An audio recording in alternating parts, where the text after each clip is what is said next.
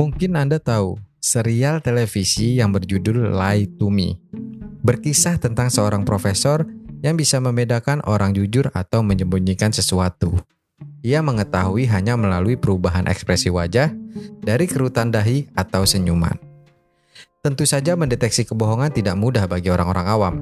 Meski demikian, memalsukan emosi adalah sesuatu hal yang sangat sulit. Halo, apa kabar teman-teman semua? Semoga teman-teman selalu dalam keadaan sehat walafiat. Dan tentunya Anda beserta keluarga juga selalu dalam lindungan Tuhan Yang Maha Esa. Saya Mandra Gunawan, kali ini saya akan berbagi sedikit tentang narasi dan juga video bagaimana cara mengenali ciri-ciri orang yang berbohong. Ada beberapa petunjuk dasar untuk mengetahui kapan seorang berbohong atau membohongi Anda, baik dari ekspresi wajah maupun gerak-gerik tubuhnya.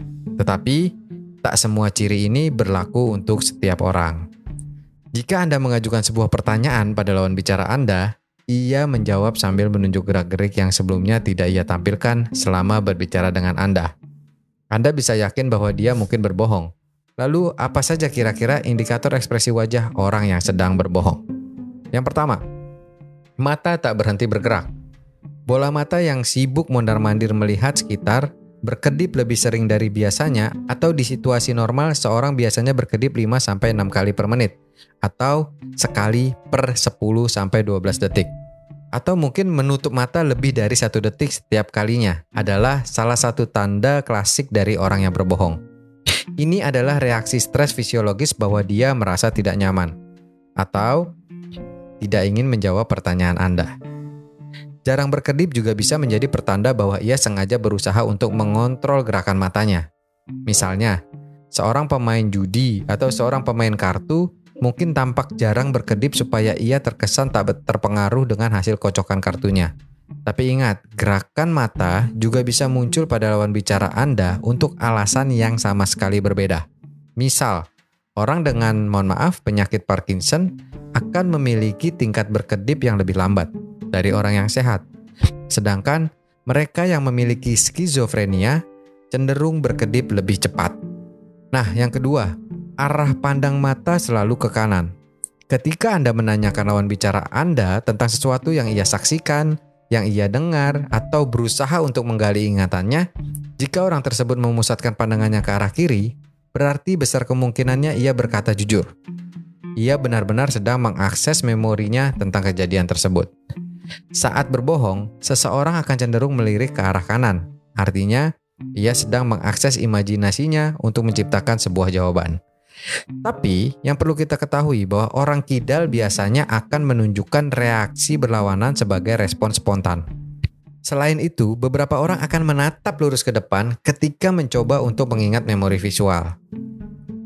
Yang ketiga, senyumnya dibuat-buat. Anda mungkin berpikir senyum dapat dengan mudah menyamarkan perasaan Anda yang sebenarnya. Tetapi, ekspresi sepintas di wajah pembohong akan membocorkan apa yang dia benar-benar pikirkan. Tak peduli ia sadar atau tidak, ketika seorang tersenyum tulus, kulit di sekitar mata mereka akan bergerombol dan berkerut. Senyum palsu hanya ada di mulut. Nah, selain itu, perhatikan senyum sinis merendahkan dengan satu sudut bibir yang melengkung ke atas. Di antara pembohong, senyum miring ini bisa jadi menandakan kesombongan bahwa mereka berhasil menyembunyikan sesuatu tanpa Anda ketahui. Tapi, senyum miring juga mungkin berarti bahwa orang tersebut sedang merasa benar-benar bahagia atau optimis.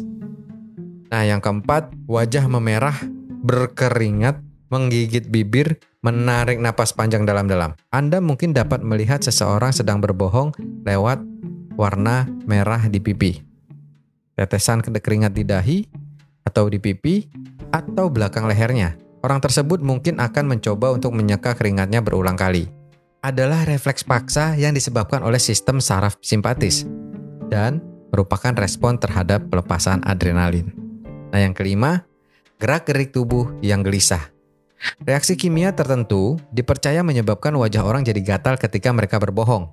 Oleh karena itu, pada umumnya, orang yang sedang berbohong akan cenderung lebih sering menyentuh wajahnya. Namun, lebih penting untuk meneliti keseluruhan sikap seseorang bukan hanya dari satu tanda saja, sebab Tidak ada satu ciri yang tepat yang dapat secara mutlak menunjukkan seseorang sedang berbohong. Nah, menyilangkan lengan di depan dada dapat menunjukkan sikap defensif atau melindungi diri.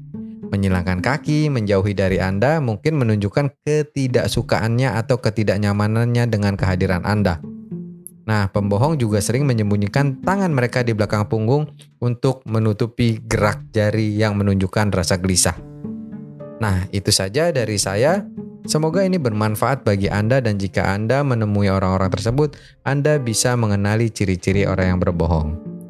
Sampai jumpa di video-video selanjutnya dan semoga ini bisa bermanfaat untuk Anda. thank you